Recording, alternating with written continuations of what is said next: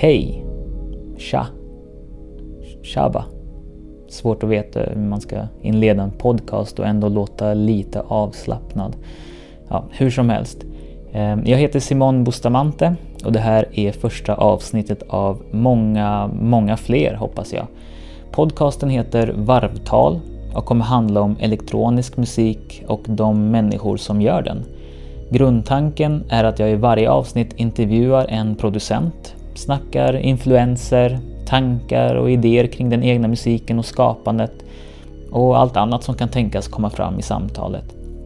Eh, detta varvat med illustrativa musikklipp på både producentens egen musik och annat fett som lämnat avtryck hos dem.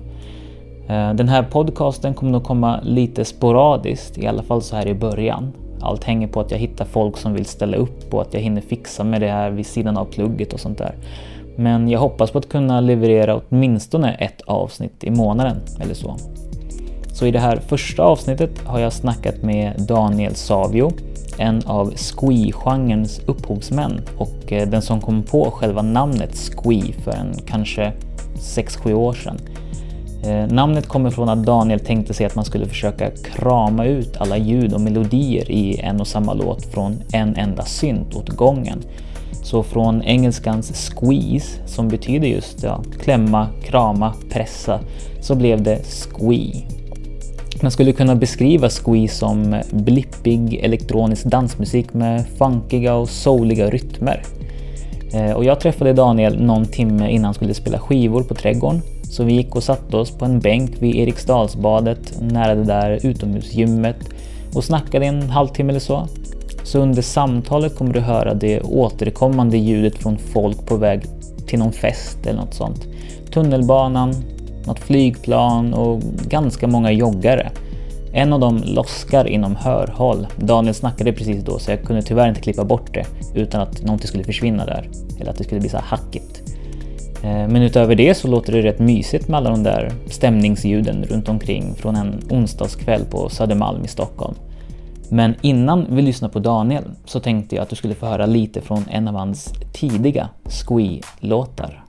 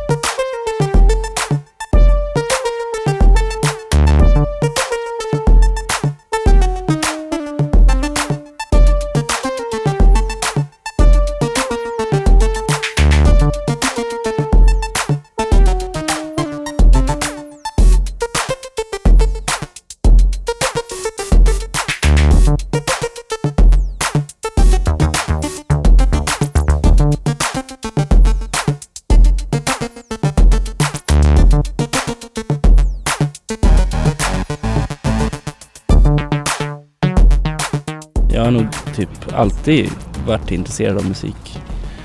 Eller alltså alla människor gillar ju musik. Det är liksom ganska genetiskt, eller man ska säga. Men jag har alltid varit intresserad eh, liksom mer än att bara tycka om det när jag hör det och så. Sen jag var liten så var jag intresserad av liksom att lyssna aktivt på musik. Så det var väl typ när jag gick på dagis, tror jag.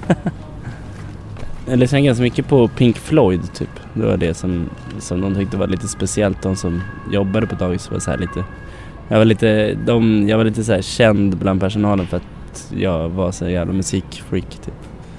De tyckte det var lite speciellt. Min morbror var jävligt mycket inne på skivor och musik och sånt så att jag fick ju skitmycket därifrån. Eh, och med Pink Floyd och det var det liksom, det var ju hans favoritband från början. Men sen så liksom fick jag massa kassetter som jag satt och lyssnade på. Och jag började verkligen gilla det. Så det var väl typ det första bandet som jag verkligen så här, gillade mycket. Liksom. Jag lyssnade aktivt på. Sen var det ju liksom hårdrock var ju skitstort när jag var liten. Eh, så då var det väl mass, allt möjligt. Så Kiss och typ, du vet, allt sånt. Iron Maiden. och typ all sån här hårdrock som var populär när man var liten. Och sen hiphopen också. Det kom ju ungefär samtidigt liksom.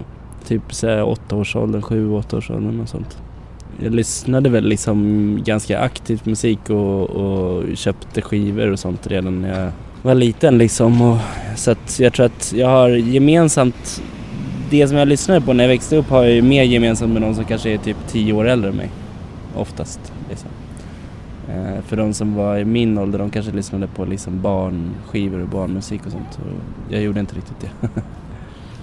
Ganska mycket hårdrock ett tag och sen eh, all liksom eh, alla stora Def Jam eh, hiphop-grejer, typ Run DMC och Beast Boys och L Cool J, Public Enemy också. Ja men typ alla de där liksom som var stora då.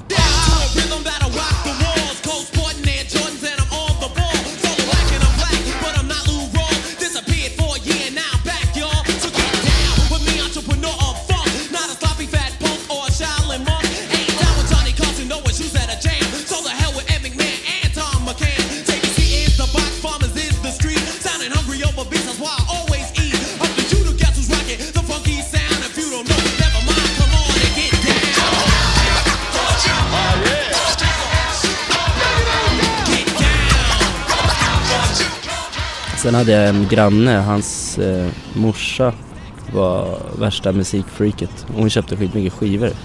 Allt möjligt liksom. Hon lyssnade ganska mycket på reggae och världsmusik och hiphop och liksom så hon hade ju, han hade ju hemma hos sig så hade han ju liksom flummigare grejer än de grejerna som folk lyssnade på i skolan och de grejerna man kunde liksom upptäcka på Åhléns och så. Så att det var ju liksom ja men lite djupare liksom hiphop och sånt. Så det, jag tror att hans morsa och min morbror har nog varit de mest influ... De har haft mest liksom påverkan på min musiksmak tror jag. Alltså det var ju typ när jag gick i högstadiet som jag bestämde mig för att jag ville DJ och sånt. Eh, då hade jag ju typ testat allting annat innan. Alltså inom hiphop typ. Försökte dansa och måla och allt sånt. Men det var ju... Och rappa också. Jag höll på skitmycket. Fast jag var ju väl aldrig något bra sådär men jag satt som fan och skrev texter liksom. Höll på med det typ en jävla massa. Eh, DJ-andet var ju liksom med fritidsgården och det. Då fanns det ju alltid skivspelare. Och skivor också liksom fanns det. Så fick man testa och lära sig lite av någon som var äldre där. Och, ja, sen jag började spela skivor på ungdomsgårdarna typ ganska tidigt också. Och sen köpte jag mina egna grejer när jag gick i nian. Och sen uh, köpte jag en sampler också. För att jag ville göra beats som jag skulle rappa själv till. Men sen blev det roligare att göra beats. Så där började jag göra musik själv. Liksom. Men jag har aldrig spelat något instrument eller någonting. Jag blev trött på att sampla grejer så började spela med samplingar och försöka få det. Sen upptäckte man allt med syntar och bla bla bla. Jag hade ett band också med två skolkompisar som hette Hundarna från Söder som eh, körde i några, ganska många år höll vi på. Det var väl liksom eh, med dem som jag lärde mig grejer om syntar och sånt. Så där var det. Och sen har det bara fortsatt typ tills nu ungefär. När upptäckte du mer elektronisk musik? Det var väl någon gång när jag köpte en skiva på Space i Filmstaden så fanns det en skivaffär i, nere i city. Eh, med så här Tommy Boys Greatest Beats heter den. Och då var det typ alla de här old school klassikerna liksom eh, Planet Rock och liksom Looking for the perfect beat och massa sånt.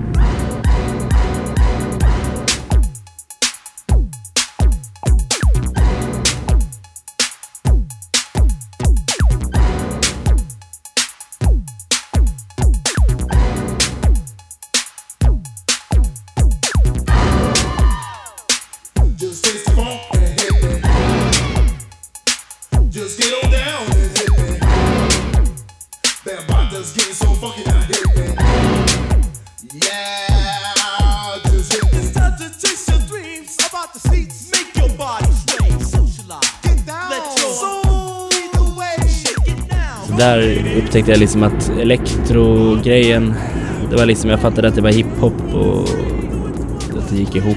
Och sen, sen var det ju med, eh, med Axel som är en av hundarna och Tor. Tor var ju inne på techno, det var jag aldrig egentligen från början. Och Axel var inne på syntpop och sånt.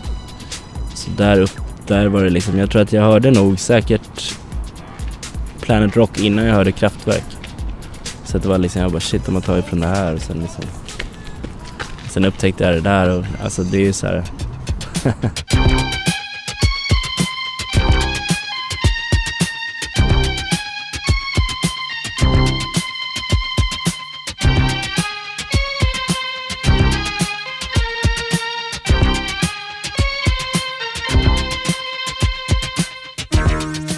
Alltså influensmässigt, eller vad jag lyssnar på så är det liksom, det är helt oändligt mycket grejer jag lyssnar på. Liksom. Alltså allt från rätt typ punk till reggae till pop till liksom whatever. Men, men de elektroniska grejerna var väl genom old school hiphopen. Typ. Att jag upptäckte att det fanns något innan det som jag hade börjat lyssna på. Hur skulle du beskriva den musik som du gjorde tillsammans med Hundarna från Söder? Som elektronisk dansmusik. Nej men vi gjorde så mycket olika grejer. En del låtar är mer typ elektro, en del är mer liksom house kanske att ta i men en del grejer är techno, en del är väl typ gränsar väl till någon typ av ambient eller ja, jag vet inte. Det är lite allt möjligt liksom.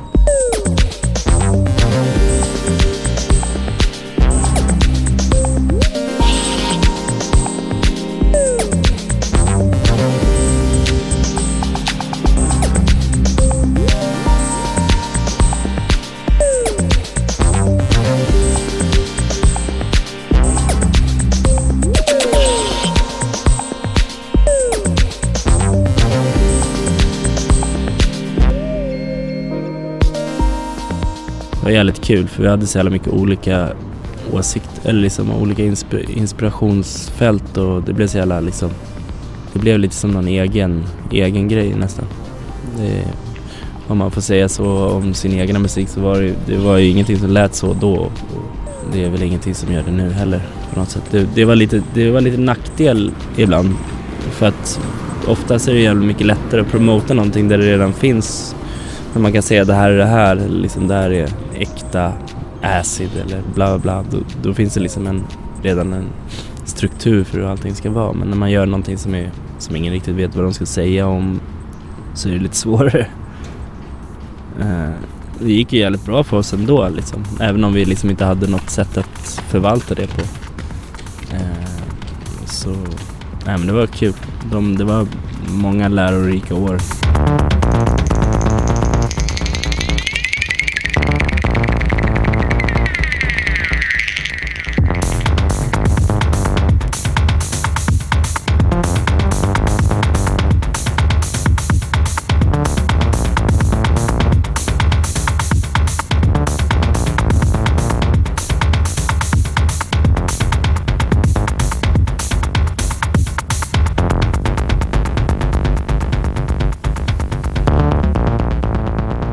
Vad, hände med Hundarna från Söder?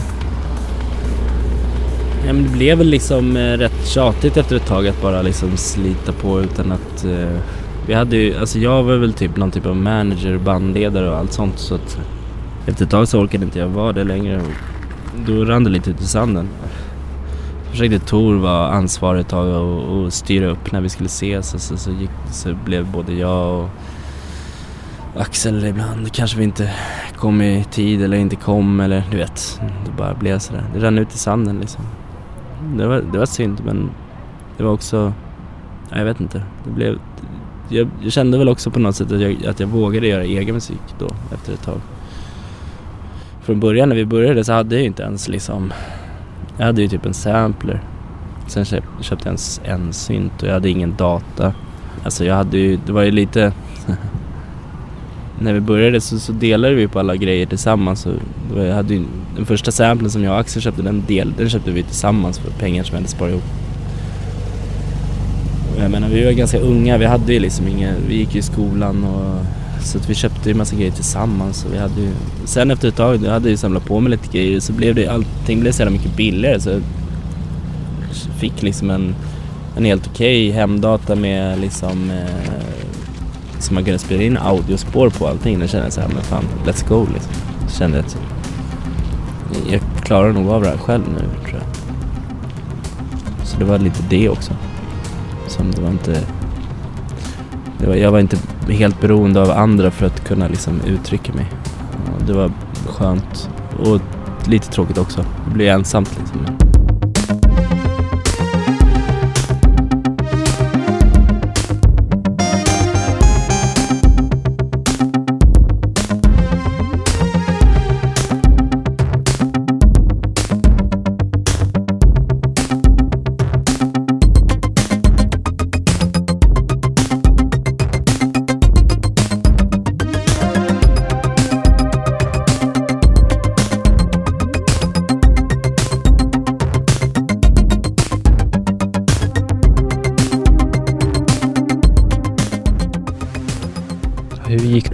Från det, det soundet till det som senare skulle kallas för squee.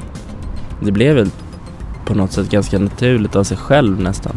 Uh, jag började göra lite hiphop-beats och sånt. Uh, elektroniska liksom. Uh,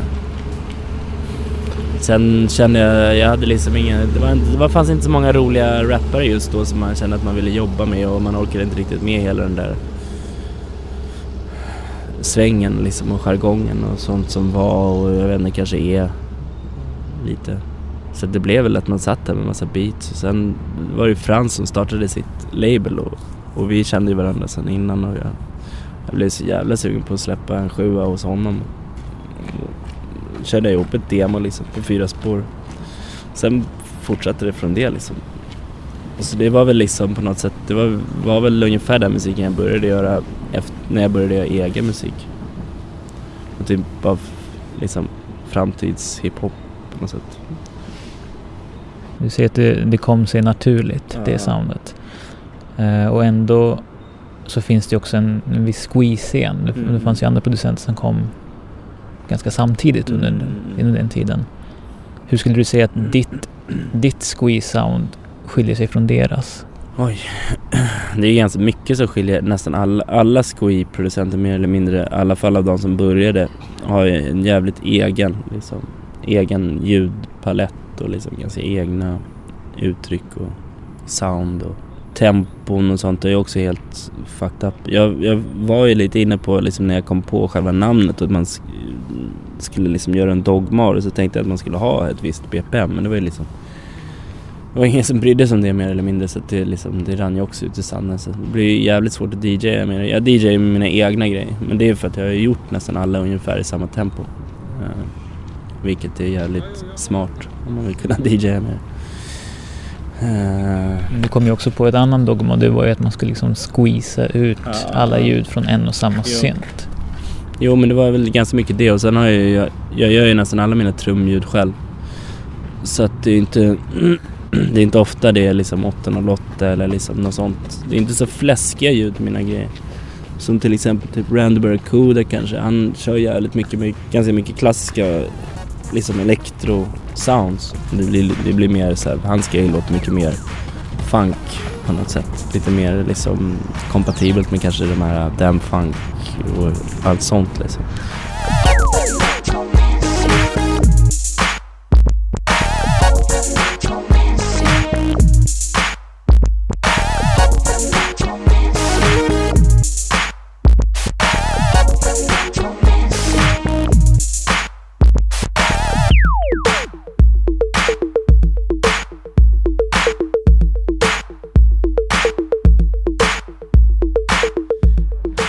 Mina grejer är väl lite mer liksom...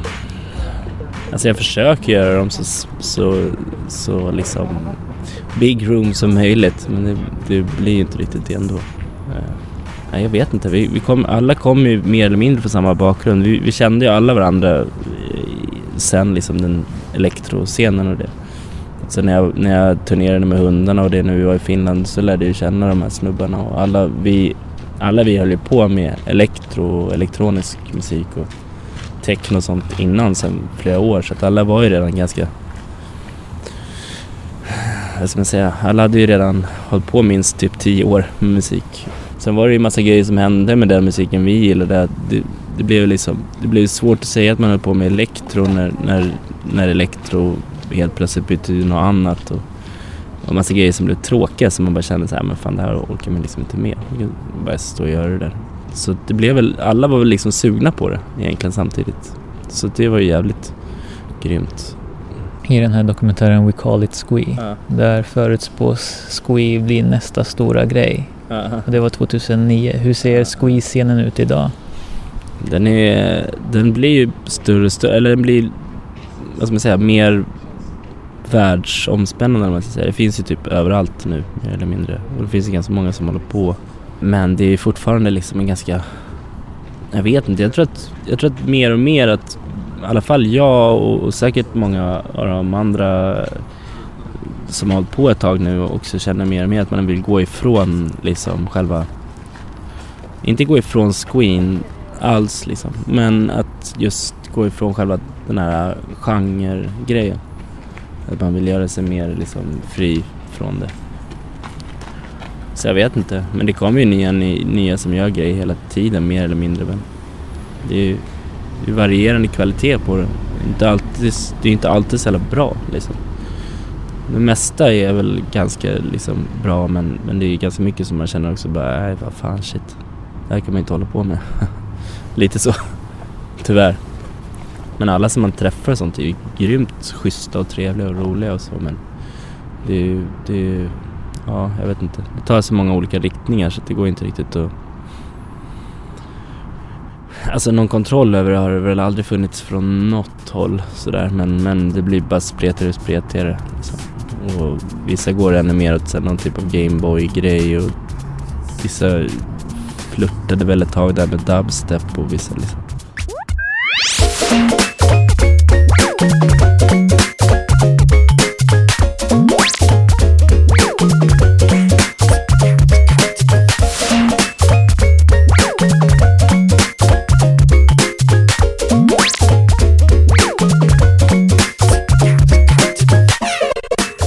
Jag vet inte. Det är jävligt svårt att förhålla sig till det. Jag, tror att man, jag, jag försöker bara tänka på att göra min musik liksom. Men sen blir man ju skitglad om de andra gör grymma grejer också och, och jag menar det tycker jag fortfarande att de flesta som i alla fall släpper på vinyl och sånt gör. Så att det, är ju- det är ju kul att vara med i en scen sådär samtidigt som man inte vill begränsa sig till det. Men har, har du tänkt på det ibland då, när du ska göra musik? Att du vill försöka frigöra dig lite från squee-genren? Jag ska göra squee, men jag försöker frigöra mig lite från dess så kallade Jag har konventioner. aldrig riktigt tänkt, jag har aldrig riktigt tänkt så att jag ska göra squee på något sätt. Jag tänkte mer nu, när du säger liksom att det har blivit en scen eller en genre, att vissa vill frigöra sig. Jag är fortfarande in, helt inne på de BPMen som, som jag tycker är squee och, och liksom hela den ljud. Jag håller, ju de grejerna som jag håller på med nu, det låter ju som mitt liksom. Jag, jag, jag har inte kommit på någon ny revolutionerande grej sådär. Jag försöker bara fortsätta förfina det som jag gör liksom. Så att, eh, alltså ibland när man varit ute och sånt och lyssnat på någon liksom techno-DJ eller någon folk gör house och ibland så frågar folk mig om jag har något som jag kan liksom, om de vill släppa och hit och dit så säger jag såhär, ja fan vad dum jag är som inte liksom bara gör fy, fyra musik i 120 bpm. Men samtidigt så är det liksom när jag sätter mig så bara, det är inget kul. Jag känner inte att jag, jag känner för, alltså jag gillar skitmycket sån musik och liksom jag känner, ibland så känner jag så här, fan att jag inte, jag borde ta mig tid och liksom slänga ihop lite sånt men när jag sitter där så blir det liksom hiphop-beatsen på något sätt och hela den här liksom, ja det, det blir så av sig själv. Jag kan inte göra något annat, typ. Det, det blir så. Hur skulle du beskriva hur ditt sound har utvecklats då från, säg första skivan till den som du släppte nu för bara ett kort tag sedan? Vad har hänt där på vägen? Eh, förhoppningsvis har jag väl blivit lite, lite bättre på att liksom eh, komponera, eller vad man ska kalla det för. Det låter så jävla högtravande. Skriva låtar låter ännu konstigare. Men, men alltså, ja, den, den grejen har jag väl förhoppningsvis utvecklats. Eh, sen har jag väl eh, liksom eh, haft, jag har väl köpt lite bättre syntar och sånt än jag hade från början liksom. Den första grejen var ju bara med Juno 1. Nu har jag ju liksom ganska mycket mer nice grejer. Och det har ju hänt med nästan alla. Så här, hela Squee. Alla har ju liksom blivit sån jävla gear sluts. Så att det är inte så jävla mycket så squeeza längre. Men ibland, det händer ju då och då att man skaffar något nytt och bara, men jag ska göra allt med den här. Så jag håller ju fortfarande på med vissa sådana Dogma-låtar och jag gjorde ju några låtar på den eh, Daniel Savio-skivan. Eh, där, där jag bara körde med en synt. Så den... Eh, Revolt är bara gjord med en Leipzig eh, Analog Solutions. Och sen två, tre andra låtar är bara gjorda med eh, Tetra, Dave Smith. Så det är, där finns det ju låtar som bara är gjorda med en synt liksom.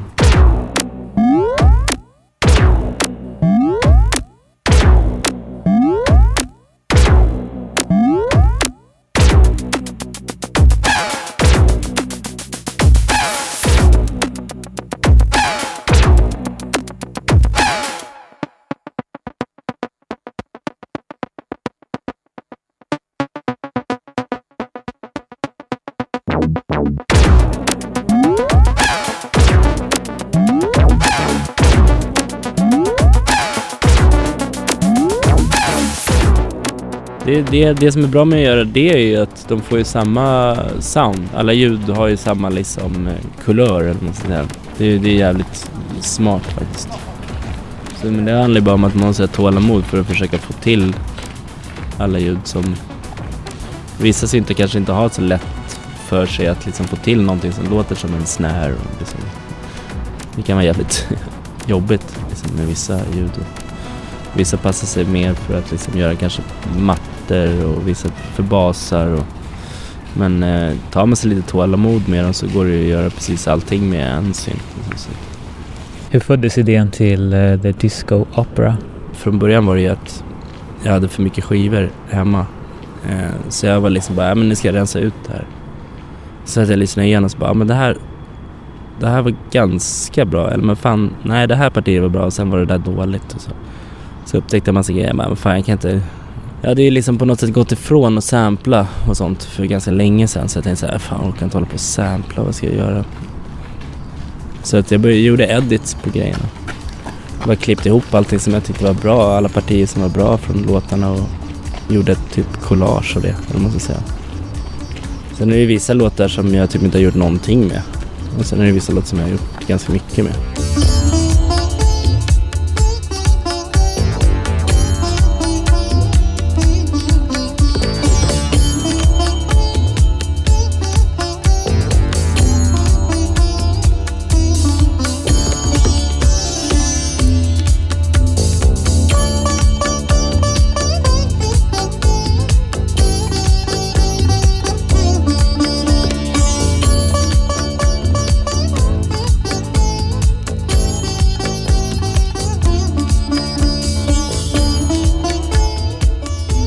Det kom sig av en utrensning av skivor. Uh, för jag köper jävligt mycket skivor. På loppis och typ Emmaus och allt sånt där. Ganska ofta. Jag köper ju minst en skiva om dagen nästan skulle jag nog säga. Och uh, mycket så köper jag grejer som jag är nyfiken på som jag inte känner till. Och som jag liksom, jag bara fan det här, det här ser intressant ut eller? Eller ibland så kan det nästan vara så här, det här kan inte vara bra. Det här måste jag lyssna på. Liksom. uh, så att det blir en jävligt massa jank liksom mycket grejer som man inte kan göra någonting med. Och ibland hittar man någonting och bara fan det här, här måste man ju göra någonting med. Ibland när man har gjort eh, en edit eller eh, liksom eh, samplat av någonting då blir originalet bra efter. Det är jävligt konstigt. Det har hänt flera gånger man bara fan nej men nu, nu står jag ut med de här partierna som jag tyckte var jobbiga förut. Nu så här, det här känns allting bra liksom. För man kommer in i modet på något sätt. Varför tror du att det är så? Att de, de partierna, de låtarna de kommer ifrån blir bättre? Alltså, mycket musik är ju ofta, alltså speciellt discogrejerna från 70-talet sånt, de har ju mycket delar och sånt som man, alltså de har den här tra- kla klassiska traditionella popstrukturen att det måste komma en brygga innan refrängen och bla bla bla. Så ibland så stressar de förbi det som egentligen är det bästa med låten. Och när man får, när man liksom loopar det några gånger och får det några gånger så känns det som att då kan det andra få komma. Liksom. Eh, när man har lyssnat in sig bara på groovet. För oftast är det ju bara, groovet är bara en liten stund i början och sen ett break typ kanske. I bästa fall. Eh, sen finns det ju massa grejer där det är så här, liksom det bara går samma hela tiden. Men det är inte så vanligt. Det vanligaste är ju att det kommer liksom någon, någon vers som kanske är, låter som liksom 5000 andra låtar och sen kommer det en brygga och sen en refräng så kanske refrängen är dålig eller så är refrängen bra och så är det allt annat bara väntan på refrängen och du vet. Det är jävligt få som gör de här liksom versa, versbrygg, refräng, liksom break, intro, när alla delar är liksom lika omsorgsfullt komponerade typ oftast, tror jag. Det, det är så jag tror. kan du nämna den senaste skivan som du tänkte, det här kan inte vara bra? Och som visade sig vara jättebra? Mm. Ja, jo. jag brukar vilja vara hemlig lite med mina låtar som jag använder när jag spelar ute. Men eh,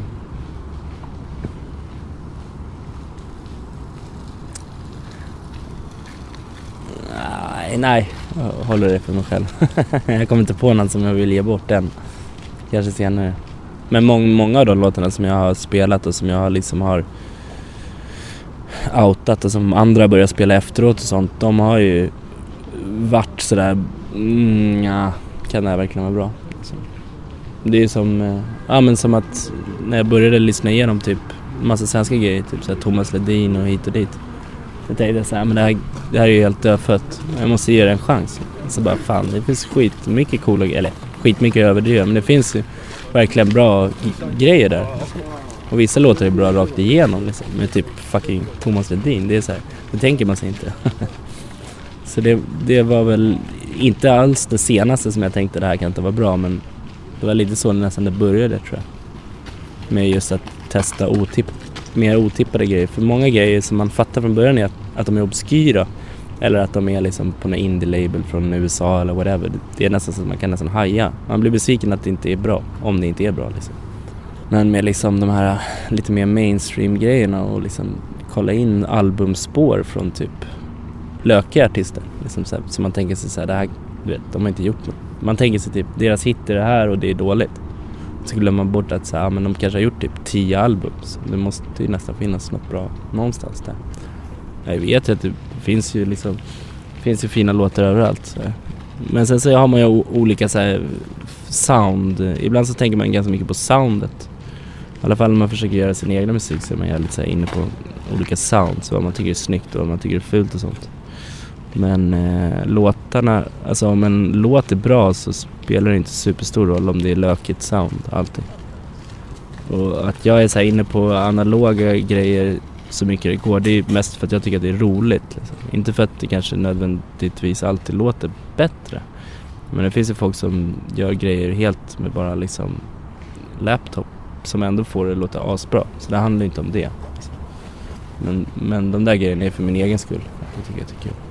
Hur många skivor tror du att du har? Jag tror nog att jag kanske har en 5000 ungefär. Jag skulle gissa det. Jag har inte orkat räkna på länge men det, det är nog i den klassen. Så jag har ju köpt skivor sen jag började lyssna på musik. Eh, Om du måste rensa ut en massa skivor en andra gång, tror du att det blir någon ny The Disco Opera? Uh, jag har ju tänkt så flera gånger. Men nu är det ju lite svårt med tiden. Jag har ju så jävla lite tid oftast att uh, jobba på. Sådär. Och, och, det är väldigt svårt. Jag, jag, jag jobbar jävligt långsamt när jag gör mina egna grejer. Då kan jag liksom hålla på och fila på en kagge i liksom hur många månader som helst nästan. Det jag prioriterar är ju att göra min egna, min egna musik där jag komponerar allt själv och liksom designar alla ljud själv och sånt. För det känns så jävla mycket mer värt liksom. Men helt klart, någon gång om jag får skitmycket eller om jag får en eh, formsvacka eller att jag känner mig helt oinspirerad på min egna musik. För det där kan ibland ge Ibland när man inte kommer någon vart så kan man bara, äh, men nu sticker jag ut och letar skivor istället. Liksom. Det, de, det ger varandra ganska mycket. Och ibland när man inte har hittat någonting på jävligt länge så tänker man så här, vad fan, äh, varför jag slösar bort min tid, jag borde göra egen musik istället. ja men det kommer och går, lite, lite så, vad som känns roligt just nu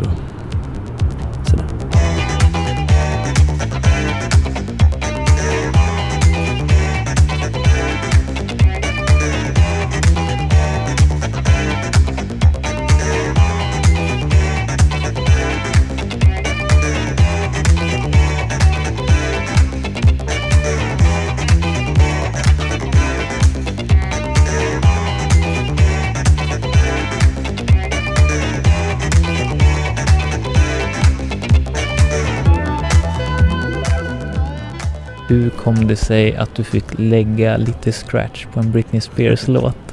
Eh, det var, det var för att jag höll på ganska mycket scratch och sånt eh, i några år i mitten av 90-talet och när jag började DJ och sånt så var jag nästan bara inne på hiphop och höll på att scratcha. Och, så jag övade ganska mycket och hade lite rykte om mig och så körde, det fanns ett eh, DJ-band som hette Scratchaholics eh, som, eh, som jag övade skitmycket med innan de blev Scratchaholics.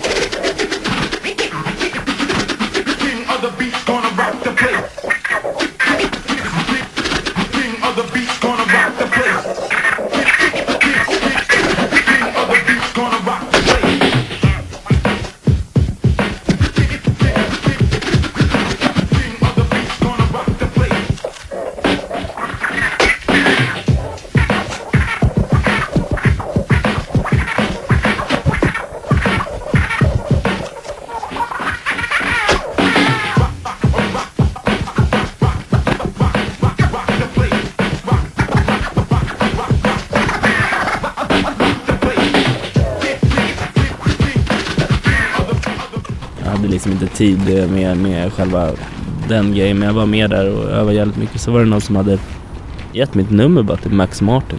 Jag, jag vet inte riktigt vem det var men jag tror att det var en av de som jobbade med honom som senare gick vidare för att göra sina egna grejer. Jag kommer inte ihåg. Typ.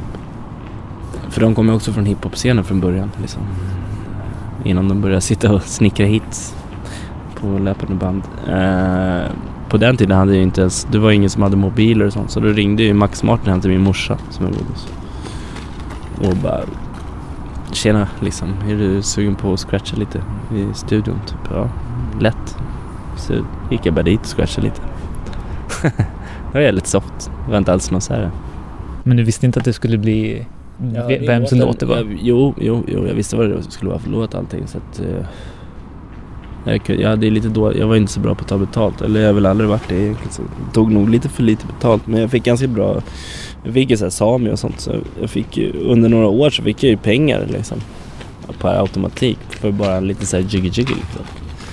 Men då hade jag ju ändå gett, alltså jag, det var det som jag kände lite så här, jag scratchade ju säkert i två timmar rakt in i hans data.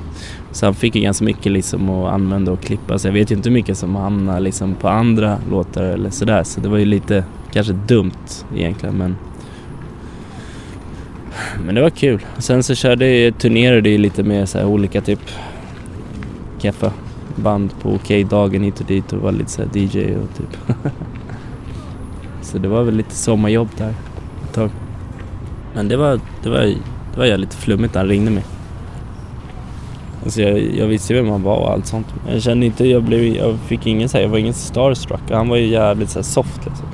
Han satt ju i sin studio och typ rökte cigg liksom. Och hade typ värsta sjuka studion liksom. Men det var ju så här hur soft som helst. Jag bara ställde upp skivspelarna på typ ett mixerbord där och bara stod och scratchade liksom. Han har inte ringt igen för några nya scratches. Nej, men jag var lite sugen på att höra av mig till honom. Eh, jag hade ju liksom inte hans, jag kunde inte få tag på honom sen.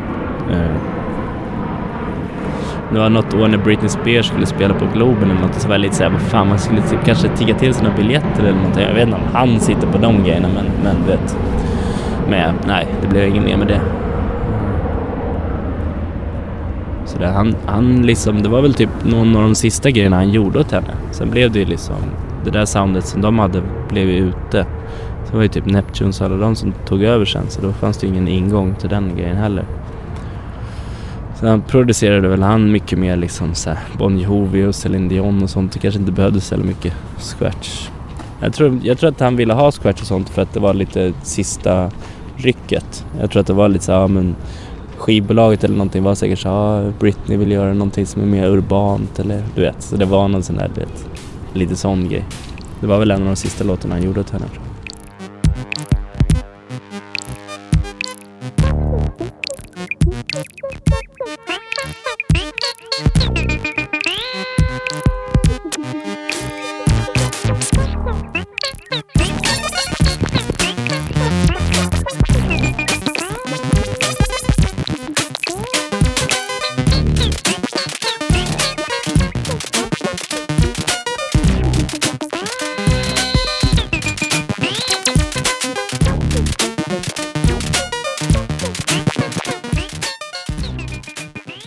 Du har lyssnat på Varvtal, en podcast om elektronisk musik och människorna som gör den. Med mig, Simon Bustamante, och detta första avsnitts gäst Daniel Savio.